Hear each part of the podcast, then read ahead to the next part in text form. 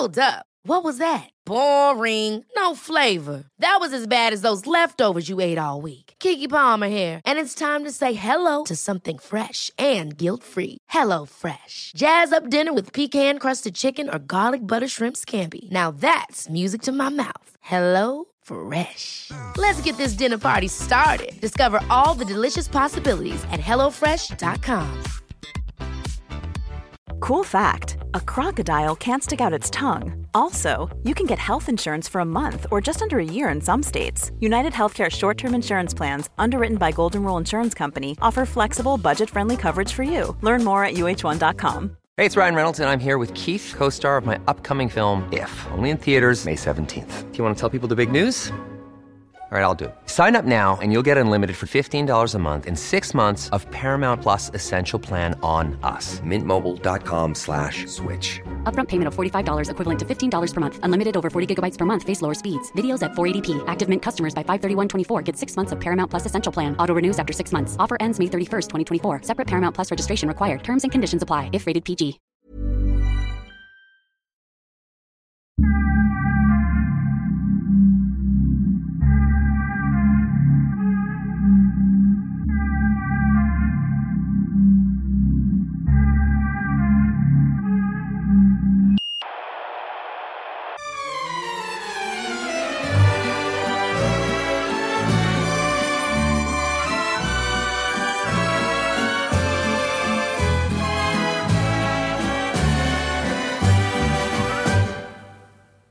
Ur Ola Wångs journal. Inkommer med anledning av att hans familj inte tycker att patienten beter sig som vanligt. Blivit helt upptagen av tankegångar kring det inrikespolitiska läget i Sverige och vad som hänt med det stora flyktingmottagandet här. Det är senast 2015 och mannen i landstingskläder på Sankt Görans psykakut i Stockholm frågar mig långsamt Har du börjat shoppa? Nej, men jag är mycket oroad över flyktingpolitiken. New York Times skriver att Sverige är på väg mot avgrundens rand, men svenska medier rapporterar inte om det. Och när jag pratar om riskerna så tittar folk på mig som om jag är tokig.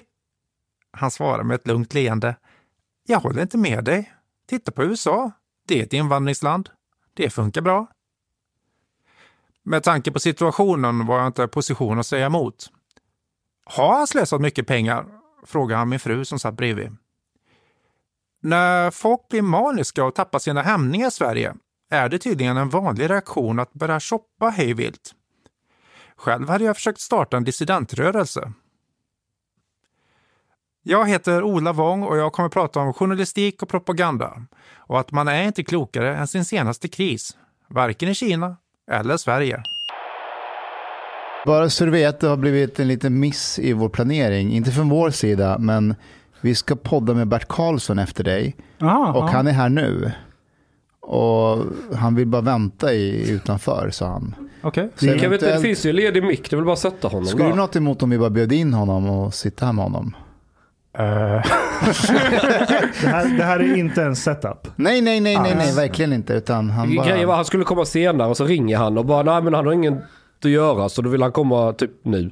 Eh, och, pff, bestäm ni faktiskt. Eh, så länge ni inte är en setup åt mig så är det okej. Nej, Nej, inte verkligen inte. Nej, nej, nej, nej, nej, men då skiter vi i det. Vi, han, får Nej, men om ni vill göra det så gör det. han, han, får, han får sitta utanför och vänta. Eh, nej men alltså herregud, alltså, tycker ni att det blir bra radio och ni tycker det är bra så köp det. Alltså jag, jag, det första jag tänkte eh, när, när vi fick reda på att han är här redan nu, det är att, eh, för jag har ju lyssnat på ditt sommarprat flera gånger. Ja. Eh, Och jag kommer ihåg första gången jag lyssnade på den. Alltså jag kommer ihåg vilket väder det var. Jag satt i min bil i Skanstull, nära Skansbron.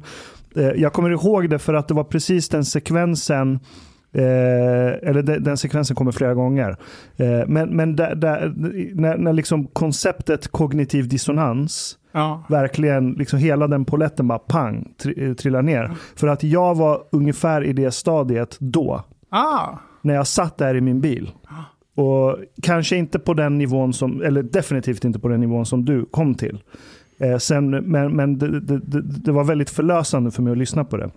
Men, men när, när Bert sa att han är här för tidigt, så slog det mig att liksom den, den kognitiva dissonans du har gått igenom och hela din upplevelse, eh, han har ju totalt, han har ju varit den som hela tiden sagt how it is. Han har varit en av dem som bara sagt rakt ut, det här är fel med Sverige, det här och det här händer, varför håller vi på så här för? Eh, så, så ni har varit i två helt olika världar, men egentligen velat komma åt samma sak. Jag har ju lyssnat på det sommarprat tre gånger. Oj, ja. Men jag tycker den är fantastisk, alltså på många sätt. Det, det, det är så mycket du tar upp som... ehm, ja, men du, jag, jag tror att du satte ord på vad många mm, också gick igenom den, den tiden. Och det är en av de starkaste inledningarna på sommarprat jag har hört i alla fall. Hur, hur var reaktionerna på Sveriges Radio eller, eller din producent när... Alltså i slutändan så var Amanda Glans som jag tyckte gjorde bra jobb. Hon var nöjd med det. Alltså hon hade ju, eh, under arbetets gång så hade hon ju hellre velat att jag hade lite mer om Kina och lite mindre om svensk inrikespolitik. Men, eh, men i slutändan så tyck, tror jag att de, de flesta, alla uttryckte nu att de var, tyckte det var, blev bra. Uh, och, det, och sen i efterhand, det är intressant du säger att du själv upplevde samma sak. För jag, det känns som att jag skulle behöva, man skulle behöva en ny diagnoskod för kognitiv dissonans. För jag blev översköljd av mejl och telefonsamtal från folk som hade känt samma sak och en del som hade åkt in på psyket. Och, ja, Okay, but, but but people who who are listening to this maybe who have not listened to uh, ditt sommarprat, they are maybe like wondering a little bit because I have not.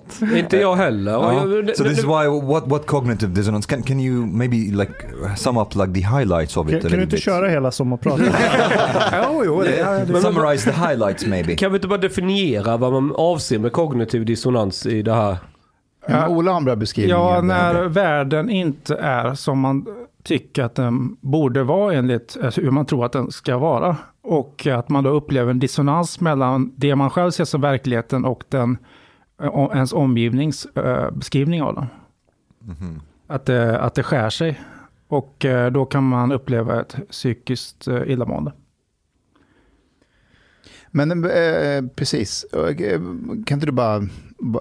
The highlights. Ja, över highlights. Eh, Jo, nej, men det, det, det tar ju upp då att jag, jag heter Ola Wong då. Jag har bott i, jag arbetat som journalist eh, i Kina främst under många år för bland annat eh, olika- svenska tidningar.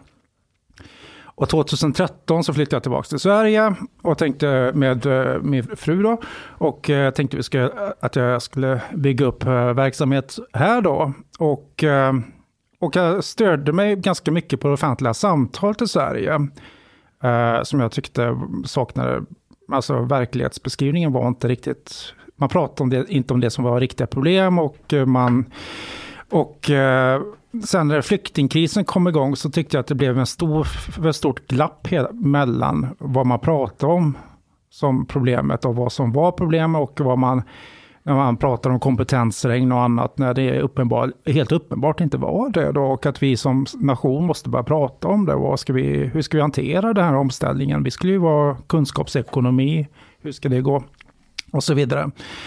Uh, och uh, och folk omkring mig då i media-Sverige och annat eh, ja, tittade på mig som jag tokig eller, eller liksom pratade mellan skål och vägg. Alltså det, här, men det, eh, att, eh, jag- man fick komma in på lite rum med en annan journalist som sa att jo, det, det, det, det, att det jag sa stämmer då, men att det var men att de inte kan skriva det. Och det, var, det tyckte jag var väldigt konstigt, för det finns ju ingen censur i Sverige. Du, du, man, man hade ju kunnat skriva det. This is ingen censur i Nej, nej, men, men Sverige. okej, okej, men this, Nej, men this alltså, det alltså, om det. man jämför- med Kina så är det ju faktiskt But fritt där. Men du, du, But wait, wait, wait. There's maybe there isn't censorship, but there's actually a lot of self-censorship in Ja, Sweden. nej, det finns ingen censur, men det finns en struktur. Kan man Okej. väl säga. Mm, Ehm, och, eh, och den strukturen eh, gjorde att... eh, nej, men det blev, det, det blev abs- absurt och sen så gick och jag hade ju byggt upp en utbrändhet under många år dessutom. Då jag hade stressat för mycket. Jag, hade, eh, jag tror det var 14 000 olästa mejl som stod och tickade i bakhuvudet hela tiden. Eh, och eh, det var, men sen var det ju också att jag kände att det här, det här är ju helt sjukt. Eh, de håller på att köra landet i diket och, och eh, ingen verkar vilja prata om det. Och det, det var en känsla att man gick i korridorer på redaktionen, att det var som att gå på äggskal. Att, eh, att man skulle inte säga det och nu skulle den stora omformningen ske. Eh, och att det var någon form av syndastraff. Det var ju väldigt mycket religion då. Det var syndastraff för för eh, slaveri, för att Sverige hade utvandrat, svenskar hade utvandrat till USA på 1800-talet. och, och diverse saker och, och, och allting var så fel. Så att då var det rättvist att det här hände nu. Men Sverige ska ju hantera problem nu för, för Sverige och de som bor i landet idag. Jag menar min, mina förfäder bodde ju inte i Sverige på 1800-talet. Vad har det med mig att göra? Uh, och uh, så jag, uh, nej jag blev utbränd då. Jag gick iväg, hamnade på psykakuten. Och, och mådde väldigt dåligt. Och sen så började jag pussla ihop mig då och fick, ja, och, och egentligen Sommarpratet handlar ju dels om eh, mina observationer om Kina, om corona och lite annat och sånt där och, och, och om den här resan då. Med kognitiv dissonans. En fråga. Finns det någon liknande sån här, vad vi ska kalla det, äggskal i korridoren mentality eller åsiktskorridor kanske bättre ord, i Kina? Ja, gud ja. Uh, men var du inte van vid en sån miljö? Då, jo, men där, alltså, jag är ju van vid att folk vet om det och liksom försöker gå runt det som typ man åker slalom. Man går runt det. Jag menar, man, eh, min, min fru som eh, hade ett teaterkompani exempelvis, de fick order om att Eh, när ni har en pjäs så lägg in några eh, repliker om Pekingstads miljöpolicy i det här ärendet. Eller att man stöttar det och den politiken. Mm. Och då sa jag, ja men vi gör det, men vi försöker typ gå runt det så att vi inte, för att det, vi vet ju att det, men här i Sverige var det lite mer att folk ville följa med. But, but this is, yeah, och, is, det, och, det var, och det tyckte jag var konstigt. Men, men det, det och, sen, och sen i Kina vet man ju om det, det finns ju en officiell, alltså mm. systemet är där det finns där. Det, uh, och uh, om du protesterar då, då får du problem. Och det, det ingår liksom i... Att... Men det, det, låter ju på något sätt som att Sverige är värre än Kina eftersom i Kina är folk medvetna om det och då kan man förhålla sig till det och alla fattar spelreglerna. Alla är inte medvetna, men de som jobbar inom media är ju ofta lite mer savvy. Och, då, men jo, men jag ska ju inte säga, alltså själva de facto-censuren är ju värre i Kina. För ja. de facto-censuren så är det liksom, och den blir ju allt mer absurd faktiskt. Uh, att, man, uh, att ämnen man inte kan prata om blir så enormt reglerat och detaljerat. Och, så det... Men, men, men, men, men, det, men det som jag tyckte var konstigt, det var ju den här strukturen som verkar finnas i samhället. Om att, som jag tycker är svårt att hänga med i ofta. Det tycker jag fortfarande. But, but, uh, but I have a question like, uh, it's interesting question that, uh, that, that Chang raised. Åsiktskorridoren, there is enforced more, more by the state in China. Is there one that is enforced more more by the people in, in the same sense that it is here in Sweden? Because it seems, if you look at it, it seems that there has to be either the society or the state that kind of like enforces some kind of cultural conformity. Jo, och det finns ju naturligtvis. Och det är ju det att eh, går du på gatorna i Kina så är omges du ju hela tiden av de här slogan. Bygg ett harmoniskt samhälle, följ de åtta äh, moraliska och, och, och, åtta omoraliska. Eller sådär olika slogans som, som, som dyker upp och som bara är ett meningslöst jidder på ett plan. Som, är, är det den kinesiska värdegrunden? Ja, så, olika värdegrunder av olika ja. slag. Ja. För att vara en god människa eller för att stötta partiets olika eh, policies för dagen. Då. Och, eh, och det för många är det ju bara ett, ett meningslöst jidder, som, det är som ett tecken som bara alltid är där. Men på ett plan, men på andra plan så går du in i huvudet och man upprepar vad som står där till slut. Och det, det på ett sätt så formar det ju en. Och det är klart att om du hela ditt liv har växt upp med tanken att eh, Taiwan är en oskiljbar del av Kina och att säga något annat är förräderi då kommer du ju reagera om en utlänning kommer och säger det. Mm. Sounds super Orwellian. Well, uh, uh, det... det är ungefär som någon i Sverige säger att man kanske ska sänka skatten. Okej, nu skojar jag. Det, skojar. Det, det, tror jag i och för sig har förekommit. Du, sänka skatten kommer du undan med, men det ja, finns okay. definitivt saker du inte kommer undan med. Som vad? Kritisera invandringspolitik fortfarande idag. Abortfrågan, mm. miljöfrågan. Jag kommer det det leder mig till en annan sak Mustafa. Mm. Uh, när du smsade mig om att jag ville vara med i din podd, då yeah. trodde jag vi skulle ha ett trevligt samtal om SN som uh, journalistisk uttrycksform. Okay. Ja, ja, men uh, nu visste jag att alla som kommer till din podd antingen mister jobbet eller blir... och, och medverkare. Och blir någon form av samhällets paria. Lever du farligt nu Ola? Jag vet inte. Vad, tycker du Chang? Ja, men alltså, jag, jag som är, aldrig har hamnat i, i någon skandal någonsin, eller jag, jag är väldigt omtyckt i alla läger i, i media. Så jag, min PR-råd är att ta skydd. Nej, jag skojar med dig. Nej, det, det är nog ingen Men fara. Inga, inga gäster har blivit av med någonting för att de har varit med. Det är bara vi Nej, som driver inte. den som But is har this something that you're really worried about? No, no, no. Äh, det- Nej, det är det inte. Men jag, jag, jag, blev- men man tänkte det så att, eh, att, att bli av med jobbet för att börja med, med, en podd, det är ju väldigt konstigt. Alltså på tal om vad man får och inte får säga. Kan det hända i Kina? Ja, gud ja. Det kan det Det ja. är Självklart, men, eh, men, eh, men, men det trodde jag inte. Alltså, vill Ja. ni prata om den? Men i Kina får man reda på varför man blir av med jobbet. Nej, ofta inte. Inte? Eh, But- Du har brutit mot reglerna eller du vet varför. Alltså det är ju det är också den här Kinas ambassadör när han pratar om, mot Sverige så är det ju ofta inte så är, eller när de, när de kidnappar Gui Minhai och, och griper honom. Det är ju inte, då säger de ju inte att det är för att du har bedrivit ett regimkritiskt förlag i Hongkong och vi upp, uppenbart hatar vi det. Utan det är att eh, man hittar på någon grej eller eh, en, en anklagelse om exempelvis rattonykterhet eller du har sprungit och prostituerade eller, eller du, du vet varför eller du gör en självkritik. Det klassiska när man ser åt någon att gripa någon ber, ber dem göra självkritik är att faktiskt inte säga åt dem vad de har gjort fel utan de får själva reflektera det. Så ska, man, ska det vara en inre, inre andlig reningsprocess där man kritiserar sig själv. But this culture does not really exist in Egypt either. Like I, I remember when I was trying to explain to my to my mother in Egypt that I basically because of the pod I lost my job. It was a very confusing conversation and only then I actually realized what kind of like totally different worlds.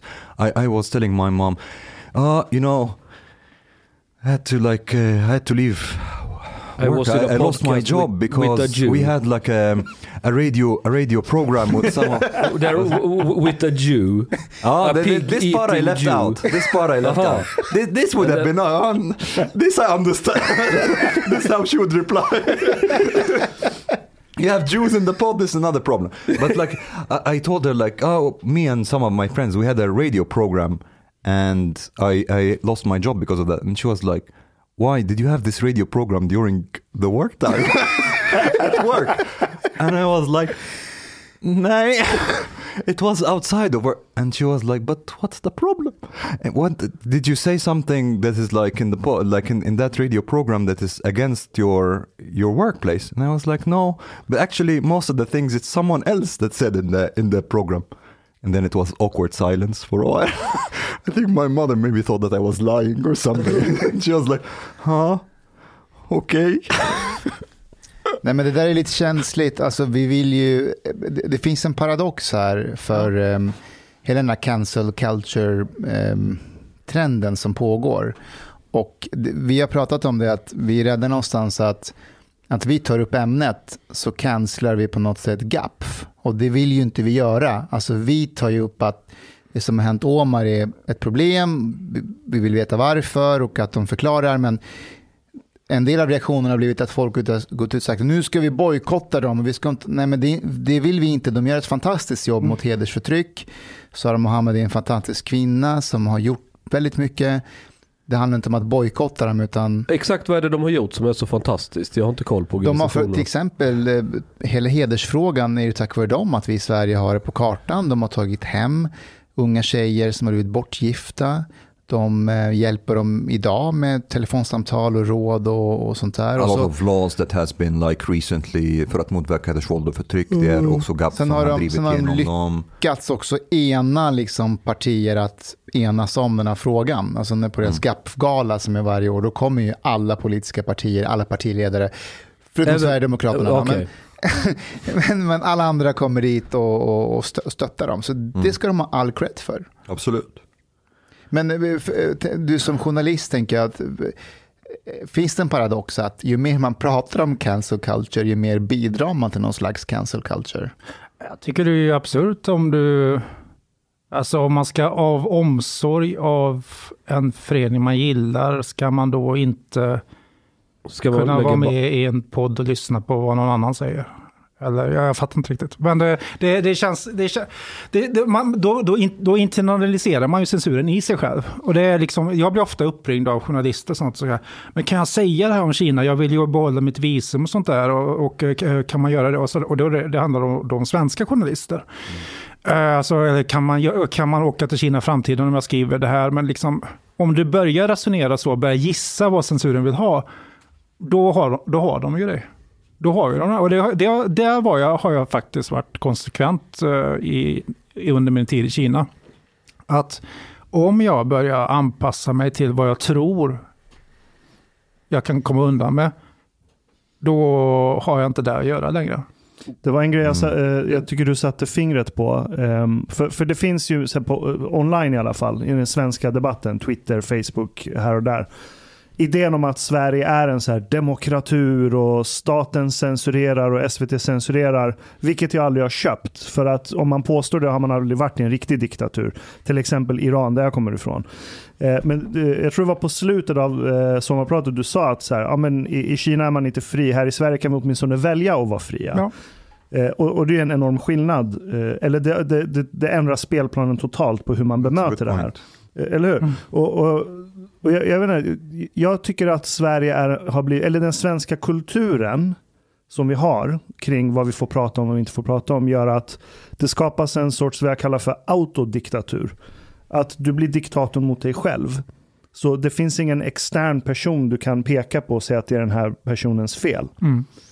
Och, och för mig, där liksom blir det totalt hjärnstopp. För jag vet inte hur man bemöter det. Det är någonting din farfar eh, förklarar för dig i sommarpratet. Att han säger till dig att i, i Kina så har man inget val än att bli hjärntvättad. I Sverige väljer ni att bli hjärntvättad. Ja, det var farsan som sa det faktiskt. För det var pappa som Ja, sa ja. det, förlåt. Vad- Kan du förklara lite vad han lite mer menade med det där? Ja, nej, men pappa kom ju till Sverige på 70-talet och han har väl eh, ägnat eh, ganska mycket tid åt att skä- skälla på Sverige. Så många invandrare. Bra pappa. Ja. Eh, och, och han... Eh, nej, men han, eh, t- han sa det ofta när jag var liten, när han var arg på, eh, på svenska. Liksom, eh, fan, i, Sverige, eh, i Kina så hade vi inget val att bli hjärntvättade, men ni har ett val och ni blir det ändå. Mm.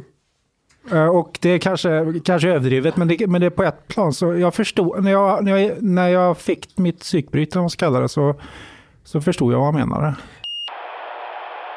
Jag tänkte på en sak du sa innan om att internalisera eh, censuren.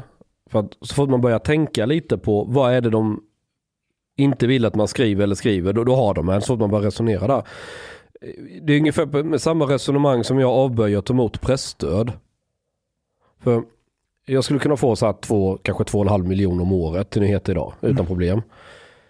Men de ändrar ju lite regler från år till annat med de här pengarna. Har du väl börjat ta emot dem så är du beroende av dem.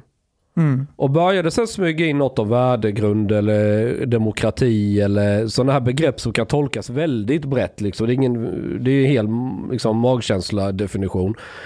Då kommer ju de som tar emot pengar börja, om vi publicerar detta, kanske, kanske detta strider mot pressstödet. Och så börjar man gå, och så, och så har man kontroll på, på, på, på grejer. Så i, I Sverige så tror jag att i Kina kanske man använder mer piska. Du blir arresterad, du blir gripen, du blir liksom... eh, Du Det är vet, både och. Jag menar, Ja. I Sverige så har man lyckats väldigt bra genom att hålla moroten framför näsan och, och med hot om att ta bort den så kommer folk börja foga sig och falla in i ledet eller vad man ska säga. Men, men, när, men när du säger att så här, eh, de, om, de, om du tänker på vad de vill ha innan du skriver eller publicerar någonting. ja. Vem är de här de? Jag menar att det Eh, finns ytterst inget... Kuhnke, inte nu längre för nu är hon inte kulturminister ännu, men det fanns ju en utredning som visar väldigt tydligt hur de väldigt aktivt söker styra kulturpolitiken med olika medel. Eh, tydligast är det de som gör eh, film. Om du ska söka stöd hos, eh, vad heter de? Svenska Filminstitutet. Eh, Ja det är det va? Anna Ja, Serner. ja, ja. Där, är det, där är det ju som mest politiserat, alltså det är extremt politiserat. Eh, du måste i princip, det folk gör, om de, om de har ett fil filmmanus som man vill få pengar, ett antal miljoner för att producera den här filmen. Då hittar man någon tjej som på pappret kan stå som regissör eller producent. För annars eh, får, kommer du, alltså du, din, dina chanser att få stöd är, är väldigt mycket lägre. Har du en tjej då har du klarat det hindret.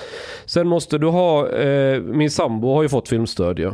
Och hon var ju tvungen att gå en kurs om eh, sextrakasserier på arbetsplatsen. Trots What? Att, eh, ja, ja för, på, på hennes... Eh, För att få pengarna? Ja, ja. För att, eh, eh, och, och eftersom det bara är hon i sitt företag så, så är det ju en kul, vadå, ska, ska, för att hon inte ska sextrakassera sig själv eller? Alltså, jag, alltså det var så bisarrt. Men, och, och, det var tvungen, och, och då var det, eh, eh, den som höll i kursen är någon professor i genusvetenskap. Och, och det är obligatoriskt att gå dit för att du ska få pengarna och, och liksom vara med en hel dag med hela det här eh, genusköret. Alltså det, det är massa sådana här grejer eh, och det ser man på ansökningarna när de söker eh, stöd för en film att de lägger in alla sådana här keywords eller buzzwords. Eh, vad det nu, det, det krånglar av och, det och det går olika trender så man kan se olika år hur det där ändras. Och så har alla, du vet om det, ett tag var det mångfald och mångkultur och sådana här saker. Nu är det kanske klimat eller hållbarhet och sådana grejer som... Eh, Demokrati. eh, ja men, men det går olika trender. Jag märker det själv i föreläsningsbranschen. Att 2015-16 då var det mycket inkludering, integration.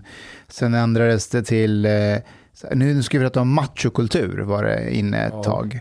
Och, och då sa jag så här, alltså jag har väl inte så jättemycket fokus på machokultur. Då sa de så här, nej, nej, du behöver inte oroa dig. Kom och prata om det du vill prata om. Vi lägger bara till machokultur så att du kan komma och prata. För då Så- får de, kan de få loss pengar. Ja, exakt. För, så deras skola behövde en sorts eh, föreläsning, men för att kunna få det var de tvungna att lägga Låtsas in att det var en annan att sak. det handlar om ja. machokultur. Ja. För att, ja. Och, och det är så, eh, och, och det, Sverige, Sveriges kultur, vi har, två, alltså vi har två kulturscener. Den ena är den som ligger utanför staten, det är YouTube, det är internet, det är alternativmedier, det är allt det här som inte får några statliga pengar. Så Förlåt, på- får ni statlig pengar? Eh, Får ni pressstöd? Kvartal? Eh, nej, men däremot får ni gärna swisha till oss. Nej, kvartal är väl någon sti- insamlingsstiftelse. Ja. Så Ja. Det är väl någon rik kines som sponsrar, kanske kinesiska staten som går in med pengar där i bakgrunden. Faktum är att jag efter att jag kritiserade Folkhälsomyndigheten och menade att de drog hatkortet mot fullkomligt befogad eh, kritik från medborgare. Då blev ni av med pengar. Eh, Då blev jag anklagad för att vara kinesisk eh, agent. Blev du det? Ja. Av vem då? Ja, det var någon eh, profilerad twittrare som har glömt namnet på. Hette, hette han också i efternamn? Nej. Aha, okay. för, för jag känner igen den där anklagelsen. Jag, det bör, jag har ju blivit anklagad för att vara rysk spion och Putin och allt, hela det där köret. Ja. Ja, det har jag ett vagt minne av. Ja, ja, det började med, eh, det är något annat som känner till, men det var så att jag hade en, en, en, eh, ett ganska intressant gräv som Patrik också den var superintresserad av att ta del av. Som var, jag höll på, det, mycket pekade på att ryssarna hade haft fuffens för sig på svenska militäranläggningar. Eller det fanns en stark misstanke som jag hade kommit över. Eh, jag hade grävt, jag, jag får ju så här tunnelseende, det blir så här Asperger och bara fokusera på en sak när jag hittar något som intresserar mig. Och bara tokgräva. I alla fall, jag mötte också den på ett café och vi snackade om det. Han var superspännande och han ville ju gärna kunna använda materialet och så. Men sen gled vi in på någonting om att ryssarna hade tagit Krim.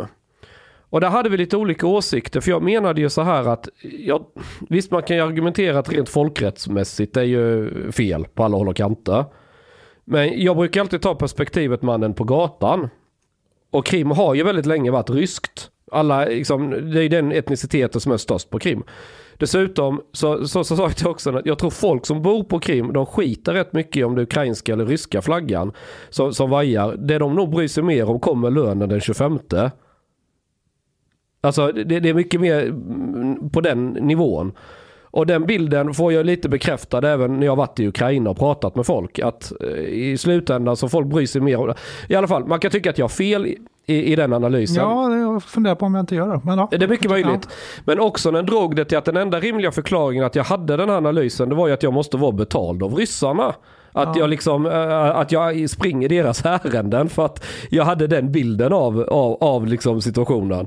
Och då började jag undra om om han drev med mig eller menar, nej han var helt så, det var väldigt, eh, och, och där liksom bara sprack allting och så blev vi osams. Så ja, men jag har märkt att har man vissa åsikter som anses vara lite, oj, folk ryggar tillbaka, hur tänker han nu? Då vill de gärna liksom söka, men nästan någon konspirationsteori, hitta någon förklaring att man är påverkad av någon annan eller fått betalt av någon eller... Alltså jag tänker om kommunistpartiet skulle velat att jag ändrar åsikten om journalistisk fråga så är det väl inte min bevakning av Folkhälsomyndigheten om första hand skulle vända sig mot. Men vad vet jag? Nej, Nej det är sant. Men får du, har du fått betalt av Ryssland någon gång? skulle kunna svara på det men då måste jag tyvärr döda det efteråt. Mm. Nej jag skojar. Jag har aldrig någonsin fått betalt av ryssarna för någon slags, vad ska man säga, opinionsbildning eller någonting. Jag, jag har for? fått betalt när jag har sålt bilder jag tagit. Jag var eh, fotograf. Och då kan man tycka, men varför säljer du till eh, Russia Todays dotterbolag? Det är ju statspropaganda. Ja, jag sålde till TV4, till TT, till alla som frågade. Sen kan man ju dra det ett steg längre. TT säljer bilder till eh, Russia Today. Och jag skulle kunna sälja mina bilder till TT som sen sålde dem till Russia Today. Och då hade det varit helt safe. Då hade ingen anklagat mig för något. Men då hade jag fått kanske hälften så mycket betalt. Varför inte bara sälja till dem direkt? Alltså jag, jag, ser, jag fattar inte skillnaden. Men det, det är en sån här, så jag, jag tycker det är idiotargument. Du, Ola, jag skulle vilja återvända lite till Kina. Eh, Du, du är ju född i Sverige. Ja. Eh, Ja, och när bestämde du dig för att åka tillbaka, eller åka tillbaka, åka till Kina och, förlåt, det där, lät dumt. Men att åka till Kina och bo där under en lång tid och, och, och arbeta, varför? Uh, nej, jag, alltså jag hade gått ut uh, journalist, uh, alltså JMK då, gamla journalisthögskolan och, och hade haft en vikt på DN och sen så fick jag ett stipendium helt enkelt som heter internationella tidskriftsstipendiet. Eh, för att åka och plugga i Kina som jag hade sökt om då. Så mina bröder hade gjort det, så åkte jag dit. Jag trodde det skulle vara ett halvår och eh, ja, det blev ju, eh, vad blev det, ett, nästan 12 år va? Så ja, det, man stannade kvar. Det var så otroligt intressant. Det var ett... Det är som att se pyramiderna byggas. Det, det är vår tids, vår tids stora berättelse utan jämförelse. Tror du att din, alltså din kinesiska bakgrund hade någon betydelse att du stannade kvar? Alltså var det någon identitets... Uh, identitetssökande menar du? Ja, Nå, framförallt, alltså det här låter tråkigt, men framförallt tror jag faktiskt av journalistiska skäl. Det var det var otroligt kul att vara journalist i Kina. Det, och det är ett eh, fantastiskt land och roliga människor och allt var trevligt. Sen har jag lite släkt där och, och sånt och det, och det hjälper ju naturligtvis och, och är fint. Men, men främst är det ju för att eh, ja, men det här är coolt. Mm. Hur var du att jobba som journalist i Kina de här åren? Kan inte du berätta lite? Jo, nej, jag... Jag...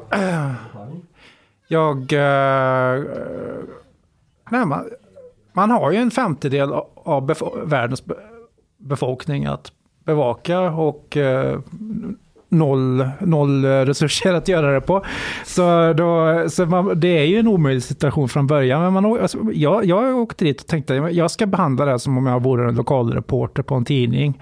Eh, och liksom inte ha de här depescherna från UD och annat som man, som man rapar upp som tidigare eh, utrikeskorrespondenter ofta, ofta gjorde i för hög utsträckning till gamla generationer. Utan eh, vara var levande och vara på plats och så och prata om det folk tycker. Så då, så då och, och, och, och prata med folk som sticker ut lite och sånt där. Och då gjorde jag det och det, har- det har varit fantastiskt. Jag, har- och man, det är, det är, alltså den första tiden var väldigt optimistisk. Alltså Kina öppnade sig mot omvärlden, allt var bara positivt. Eh, städerna förvandlades i en enorm omvandling och det gör de ju fortfarande. Eh, samtidigt som, men då fanns ju hela tiden den här förväntan från västvärlden att ja, Kina, de, ska, de, de vill bli demokratiska. De kommer bara vi ger dem allt vad vi har, teknik och pengar, så kommer de förändra sig. Det var, på något sätt var det ju så strategin var. Och så blev det ju naturligtvis helt tvärtom, för partiet hade ju aldrig ändrat sig. Och inne i Kina var de hela tiden tydliga med det. Att eh, vi har partihögskolor, alltså för, för utlänningar kallar vi det skolor för administration, internt kallar vi det partihögskolor. Eh, att man har, att man, och, och att de som ville ha reformer i partitoppen, att det var en liten, liten minoritet som till slut helt försvann då och eh, sen kommer Xi Jinping.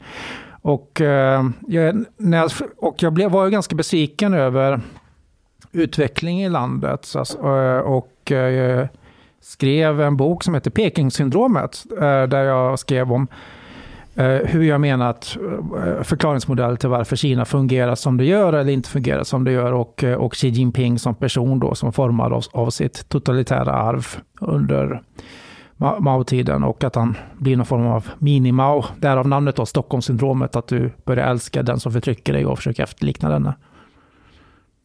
Du, eh, det stora språnget eh, som du pratar om i sommarpratet, kan inte du bara sammanfatta det lite och din farfars roll i den? Ja, nej men eh, Stora språnget var ju då en, eh, ett projekt för att eh, på nolltid göra Kina till en framgångsrik eh, utvecklad socialistisk stat och komma ikapp västvärlden helt enkelt. Ungefär samma ambition som man fortfarande har då. Eh, och eh, då metoden som man kopierade från Sovjet var att eh, socialisera lantbruket och eh, skapa folkkommuner. Och sen så eh, hade man väldigt knäppa idéer som att ju, tätare man planterade och djupare desto bättre skulle det bli för då skulle eh, spannmålet bedriva klasskrig mot ogräset. Och eh, man, alltså, man hade, man, alltså det finns mycket sådana här eh, man skulle producera stål i enorma mängder som man inte kunde, som blev värdelöst. Man skulle bygga kanaler överallt. Det skulle vara en så enorm utflöde av energi från eh, det kinesiska folket som skulle skapa det här. Och eh, följden blev ju då att, eh, precis som det var i Ukraina på 30-talet, att det blev massvält. Och eh, det finns olika uppskattningar. Yang Jisheng, en kinesisk journalist, han uppskattar att minst 36 miljoner människor eh, dog. Eh, men o- 36 miljoner under vilken period då? 58 till 61. What? Eh, och det är dubbelt så många som dog eh, i första världskriget.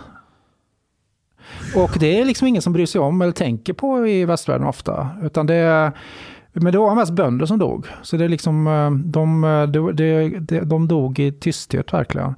Och det ledde i sin tur till att Mao hamnade på defensiven, för det blev, var ju en katastrof på projektet. Så han tvingades till att göra självkritik av de övriga i partiledningen. Och man gjorde lite mer ekonomiska reformer lite, som lät bönderna själva producera sånt och köpa och sälja lite. Uh, alltså att man, man, fick, uh, man fick igång något som, så att ekonomin kom igång igen. Och det gjorde att Mao hamnade på defensiven och blev förnedrad och han svarade då några år senare med att, uh, med att starta den stora kulturrevolutionen. Där han sa att då, där han vände folket mot den övriga partiledningen och rensade ut sina fiender. Och sen så dog några miljoner i processen bland folk då, och man förstörde sitt kulturarv. Ehm, och den processen där Kina stängde sig under kulturrevolutionen, den har ju blivit mycket mer uppmärksammad. Men det, allting började i det stora språnget. Och, men det stora språnget har ju Kina på inget sätt gjort upp med. Eh, man sa att det var naturkatastrofer. Eh, och sen så bara mm, drar man ett streck över det. Eh, man ser fortfarande de här propagandabanderollerna jag pratade om tidigare som finns på gator och överallt. Det står ju fort, kan man ju se sådär, vi är mitt inne i ett nytt stort språng. Som om det vore någonting bra. Alltså, som, som om Tyskland hade haft en, vi är, nu är vi uppe i en nu slutlig, slutgiltig lösning. Eh, alltså det, det är en sån här historielöshet som är bara möjlig om man helt, om man ägnar oavbruten energi åt att sudda ut historien och skriva om den. Får jag fråga, alltså det här som du tar upp nu, vi börjar med Stora språnget och allt annat i kommunismens namn som har gjort historiskt sett. När man, när man tar upp det här med som är kommunister i Sverige eller i väst, jag, jag, jag tänker speciellt på, på Jan Myrdal till exempel. Mm. Eh, Det, det, det, det är någonting, alltså han är ändå van och bildad person, men när det kommer upp så, så blir det som att då jämför han det med imperialismen och... Ja, ja, men när det gäller folk i fattiga länder så är de alltid utbytbara för ens ideologiska visioner. Då är, då är, det, då är det värt det. Hade det varit på hemmaplan så hade han ju inte accepterat att man rev hans torp eller något sånt där för att utvecklingens skull. Men i, i andra länder går det ju alltid bra. Eh, för, och eh, det är ju samma sak som Birgitta Dahl, när hon eh, ursäktade Pol Pot i Kambodja. Att det är ju inte något som... Eh, Överhuvudtaget det här att eh, det finns ju, det, det, jag tycker det finns någon rasism där, att man ser inte kineser och deras lidande som på samma, eh, som, ja, som är värd den, att där, där, där är de stora fina målen så viktiga så att då, då vill man hellre blunda för det. När du säger historieomskrivning och att de än idag pratar om ett nytt språng som håller på att ske, så tänker jag på Iran. När jag var där ehm, senast, vad kan det ha varit, 2011, 2010 var jag där. Och då slogs jag av att där har du ju statligt internetfilter, de monitorerar allt, de blockerar hemsidor. Men i, i princip vilken kiosk som helst så kan du gå och köpa VPN-konto. Ja, Så kommer du hem och du har tillgång till allt. Liksom, de hänger på Instagram, de kommer åt App Store-rubbet. Eh, hur, hur är informationssituationen i Kina? Om du vill söka information Uh, jo, men så har det ju länge varit att en intellektuell elit klarar ju av det där och är intresserad av det, att skaffa VPN. Um, och sånt. Sen så beror det på vilken region du är i. Um, att uh, en kines som åker exempelvis till Xinjiang och öppnar sitt VPN-konto, det har man ju dokumenterat. De, uh, även om de har handkineser så åker de in i läger. Men alltså Xinjiang är den provinsen i västra Kina där eh, det sker omfattande förtryck av eh, uigurisk minoritet.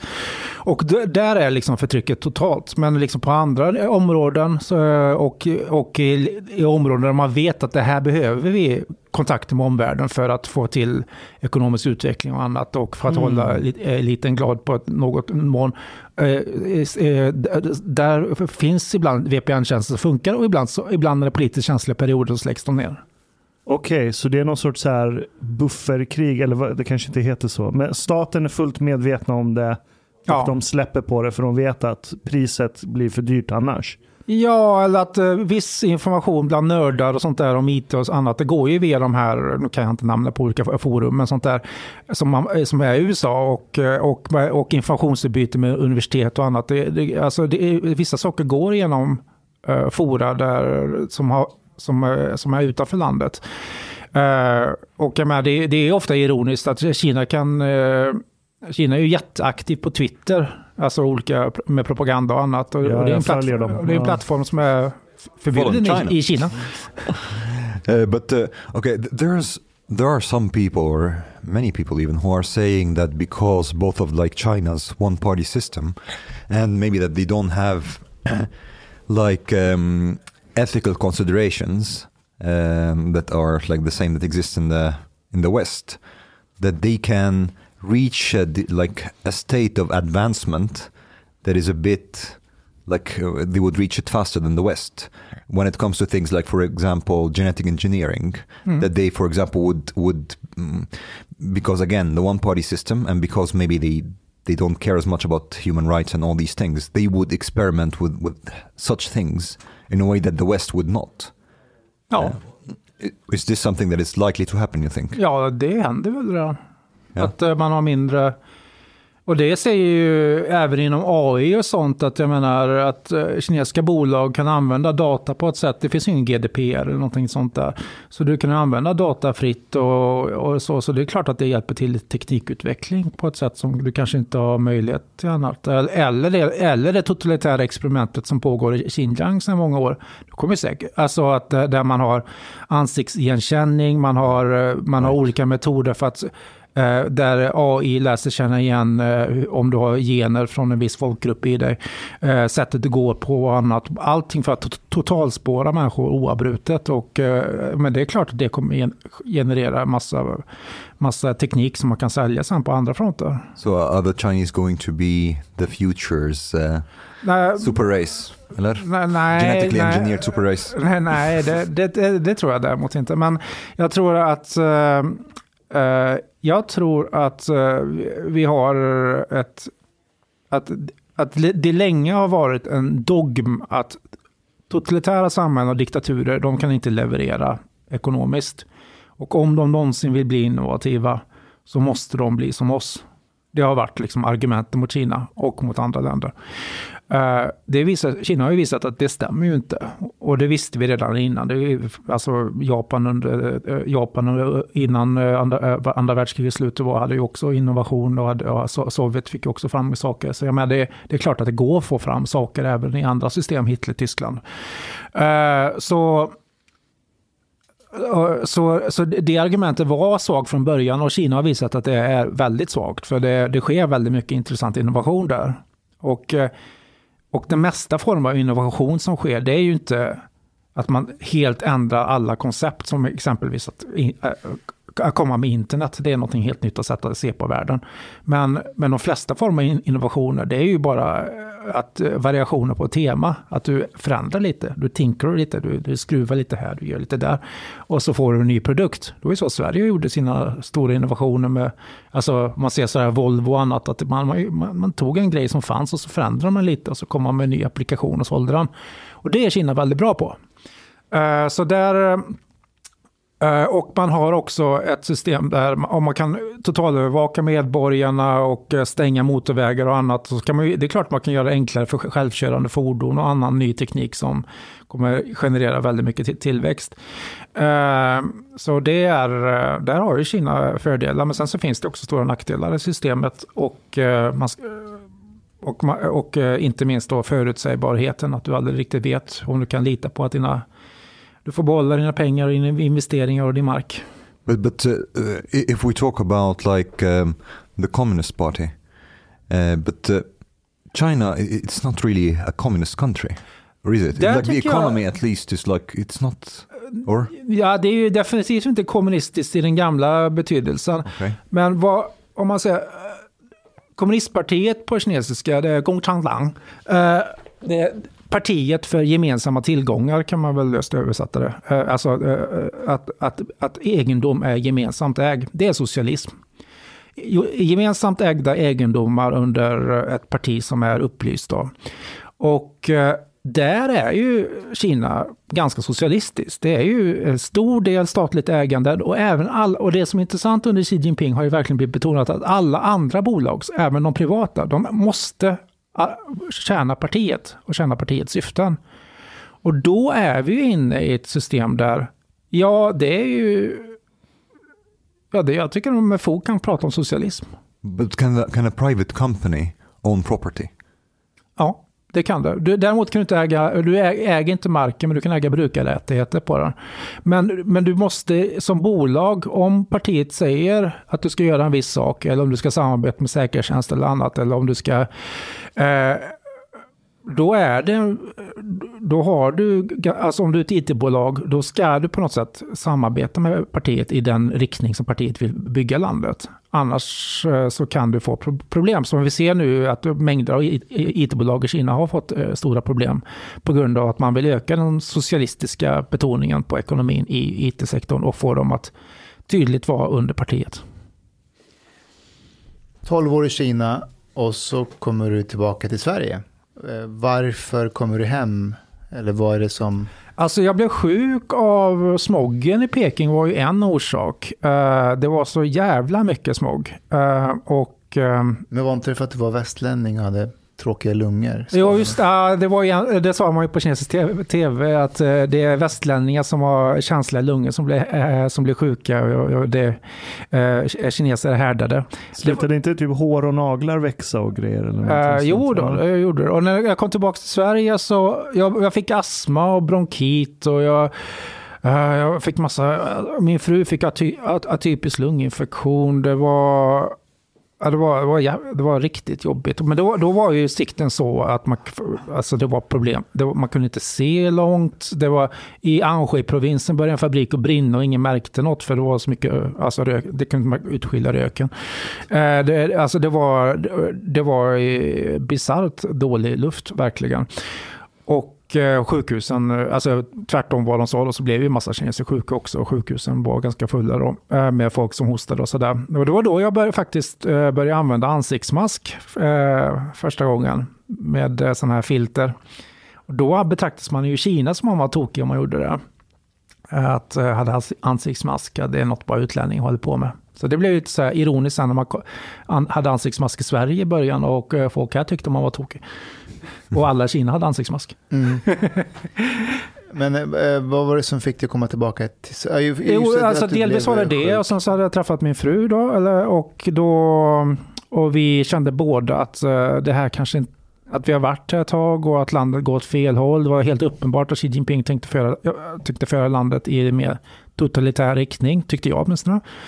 Att det var, och där fick jag ju rätt. Uh, och uh, så då kände jag att, uh, att jag vill, uh, att jag vill, uh, ja nu har jag varit här ett tag och nu vill jag tillbaka. Hur var det att komma till Sverige då och börja om på nytt? För du började jobba på Sydsvenskan va? Nej, Sydsvenskan jobbade jag för i, eh, i Kina. Och, Okej. sen, eh, eh, och sen så var det Svenska Dagbladet. Och sen, eh, jo då, nej men, eh, ja, sen kom jag tillbaka till Sverige. Fick, eh, fick jobb på Dagens Arbete. Eh, och sånt där. Och, ja, vad ska jag säga? Eh, En, en grej jag tänkte på var just när, när du läser upp från din egen journal i sommarpratet. Då, eh, och berättar om att liksom, ja, men du, du, du hamnar på psykakuten, bokstavligen. Ja. Eh, hur långt in i den här processen där du började observera verkligheten runt omkring dig, vad som faktiskt händer, eh, kontra hur det skrivs om sakerna som skapade, började skapa den här kognitiva dissonansen i dig. Hur, hur, hur långt in kom du på det innan du tänkte att tänk om det är fel på mig? Eller var den tanken med från början? Nej, men jag, men jag blev mer och mer arg. Jag blev till slut jättearg på att det inte fungerade som jag trodde. Att, uh, att, uh, att det var... Ja, men exempelvis New York Times, som är en sån här tidning som i normala fall, åtminstone på den tiden, svenska medier totalt bönföll och tyckte att det var, om de skriver om Sverige så klart vi ska tycka det är jätteviktigt och helt rätt. Eh, och New York Times på den tiden hade väldigt, väldigt bra journalist, journalistik. Och ehm, då... Och de skrev då, Sverige är på väg att gå in i avgrunden och de verkar inte kunna vakna upp förrän de står på avgrundens rand verkligen. Och att det här funkar ju inte med, med den mängden av invandring som, eh, som sker nu och sånt här. Och, eh, och pekar på sådana faktorer som är helt uppenbara att prata om idag. Och, Eh, och det var liksom bara noll kommentarer om det i Sverige. Noll diskussion. Noll, eh, och då tänker man även, och man pratar med folk som liksom, eh, man vet är jäkligt smarta och insatta i forskning och framgångsrika entreprenörer. Och som aldrig skulle missa en grej i uträkningar för sin egen bolags ekonomier. Och helt plötsligt kom de med den här glädjekalkylen att ja, då tar vi in så många människor, då kommer, då kommer det här öka så här mycket och det, det här kommer bli så bra, så bra.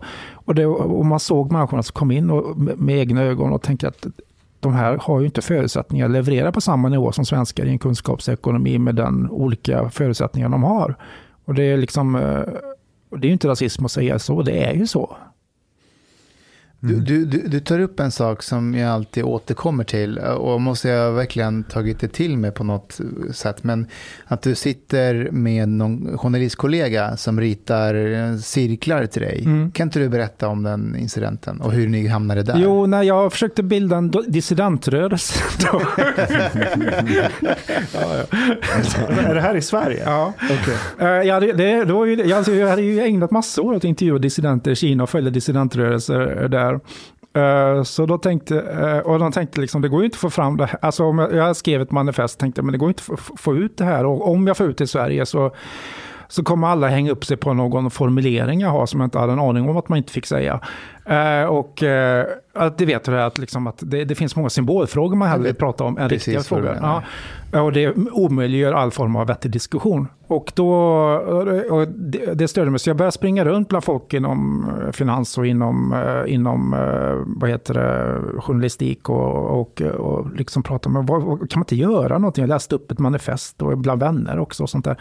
Betedde mig nog lite konstigt. Och då, och då hamnade jag på Radiohuset eh, med en journalist som och vi gick ner i en källare där det inte skulle finnas några människor. Så, så, ja, det är tyvärr sant, eh, men så var det. Eh, Och han, han gjorde en ring. Han sa, det här Ola, det är du. Det här är din familj. Och det här är resten av samhället. Och du ska ta hand om den här och den här ringa. Du ska ta hand om dig själv och din familj. Och resten kommer de andra till slut att börja prata om.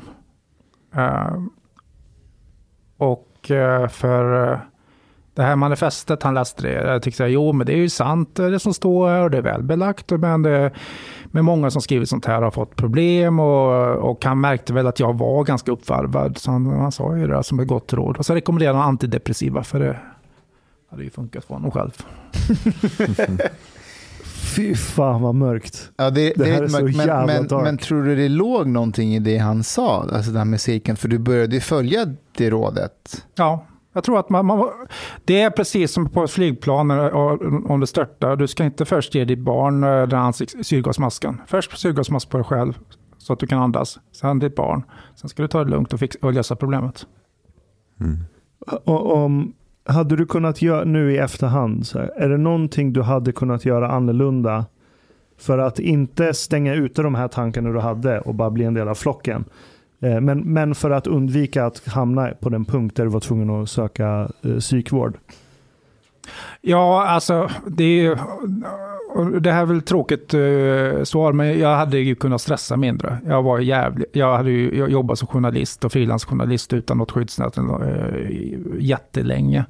Och vi hade fått barn och, uh, det, och, det, och jag, hade, och jag ha, ha, har någon form av perfektionism i mig samtidigt som jag har någon form av att jag vill leverera jättemycket. Och man har de här kraven som är här uppe, pekar nu eh, för alla som kan se. Och, eh, eh, och, här, och här nere har man förutsättningar och så försöker man fylla det oavbrutet med egen insats. Och då blir man ju stressad till slut och irriterad. Och det, de varningssignalerna borde jag ha tagit mycket tidigare.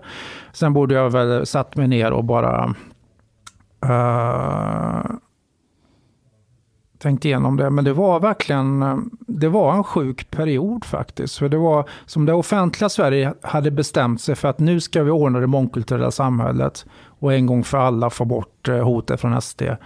Och, eh, och, Det stora och, och, vi, språnget. och, ja, det var, det var lite där. Och om vi bara sitter stilla i båten allihopa, då kommer det här fixa sig. Bara vi inte säger fel saker. Och det var ju verkligen, jag vet inte om ni minns det, men jag tyckte det var en känsla av att alla gick på äggskal i det offentliga Sverige. Åh, jag minns. Ja. Jag minns. But but also like it's a bit this consensus culture is a bit scary because it also can change pretty quickly. So now, for example, everybody thinks that invandring is a problem. Men, eh, precis. Alltså det är som jag menar, kolla Afghanistan nu. Eh, eh, Ena gången och Syrien, ena gången säger man att eh, vårt Europa bygger inga gränser och det, Orban är så fruktansvärt fel. Och, ibland, och nu, så, nu så är det, är, det ju grekisk polis och Ungern som, det, den politiken som gäller officiellt. Och ofta samma politiker som verkar... Det, det är samma sak som kön. Det, ända fram till två veckor sedan, eller tre veckor sedan kanske det var, fick du i Sverige inte säga att det finns en biologisk skillnad mellan män och kvinnor. Det var tabu att ens gå in på det ämnet. Tills SVT väljer att göra ett program från, Tinder till, eller från savannen till Tinder. Just det. Mm. Och så publicerar SVT Nyheter, ny forskning visar att det finns biologisk skillnad mellan män och kvinnor. Jag bara, fan har de citerat här? Det var från Science 2018. Ny forskning från 30 years ago. Ka- Kan vi ta med Bert in? Slippa sitta där ute. Ja, men Ta in honom. Ta in Bert. Jag, jag tänkte fråga dig, den här... Jaså du Wång, du har hittat hit. Ja, jag gjorde det. Med det här verklighetens Men folk. det har jag ju för fan sett eh, förut. Eh, Är du kines va? Min far är kines. va? Din far är kines, men du har pratat i de frågorna mycket va? Jag, något rapporter, jag rapporterar från Kina. Ja, jag menar det. Jag har sett det i sammanhang med det. Ja. Ja, det ser man. Skriver du fortfarande för, dansbands, dansbands, skriver du fortfarande för Dansbandstidningen? Ja, ja. Bra. Skriver du för Dansbandstidning? Nej, jag är med lite grann och petar. Jag gör däremot en jävla massa radioprogram.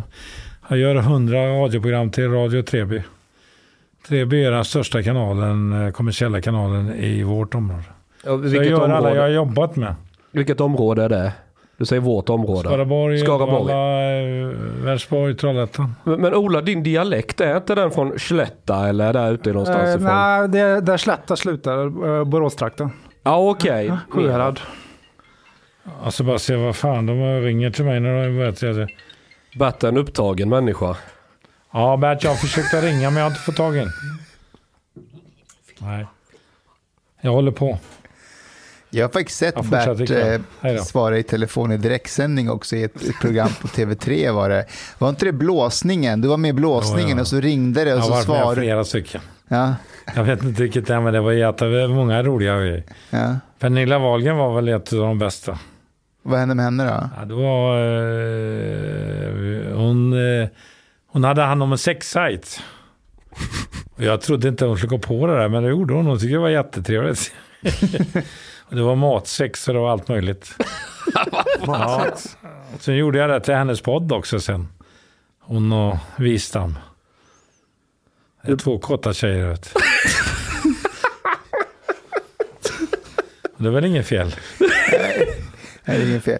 Allt Jag ser, jag ser Olas min här. det, det här vet han inte riktigt hur han ska hantera. Du, du Ber- Bert, innan Ja. du kom, vi, vi, vi satt och pratade om så här kognitiv dissonans och vad som händer ute i verkligheten och sen hur, vi hur media och andra ställen beskriver verkligheten. Ja, det är svårt. Ja, men de, de har ju ofta bestämt en linje innan. Så är det ju. De, den driver de stenhårt och tar bort det som inte passar. Så har det ju alltid varit egentligen. Ja, men jag menar, liksom, jag, jag har själv gått runt väldigt länge med kognitiv dissonans och liksom trott att det är något fel på mig. Tänk om jag har börjat Nej, bli det är inte galen. fel på dig. Medan du har väl ändå någon sorts image av att du har alltid, liksom, du är den som tells it like it is. Nej, men jag försöker berätta det. Jag tycker det är rätt. Eh, Jag går inte på, jag får ju mycket skit. Jag fick ju Katarina Janouch träffa idag. Jag vet. Vi bråkar ju med varandra häromdagen. Eller en vecka sedan. Jag fick aldrig fått så mycket hatmejl. Hon kan också vara rätt kåt. Det är hon säkert. Hon sa det i alla fall. Hon sa det ja. Hon var ute och ja. motionerade ihop med en som jag jobbat med tidigare i Melodifestivalen. Ja men det är, det är kåta tjejer, det är vakna tjejer. Vakna tjej. Ola, om, om, om du vill tacka för dig så har jag full förståelse.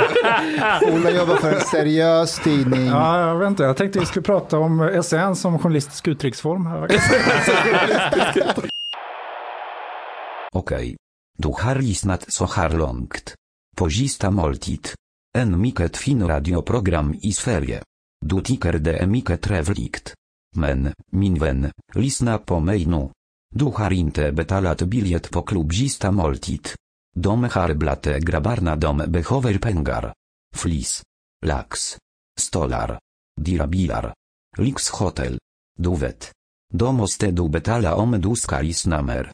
Du får många fler avsnitt också. biudande, helt enkelt. Läs i beskrivning för avsnitt, där det finns information för att bli medlem på klubbista måltid. Det kostar som en mycket liten kaffe latte ute på torget. Per månad. Lätt som en plätt. Tack,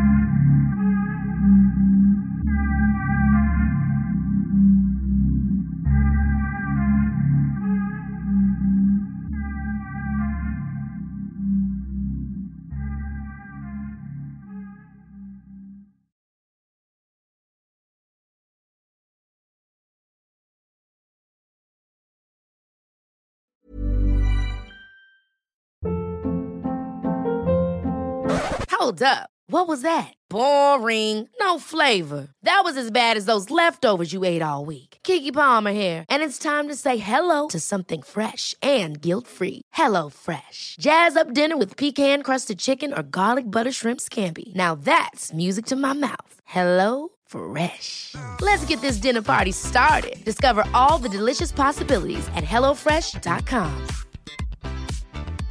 Even when we're on a budget, we still deserve nice things. Quince is a place to scoop up stunning high-end goods for 50 to 80% less than similar brands.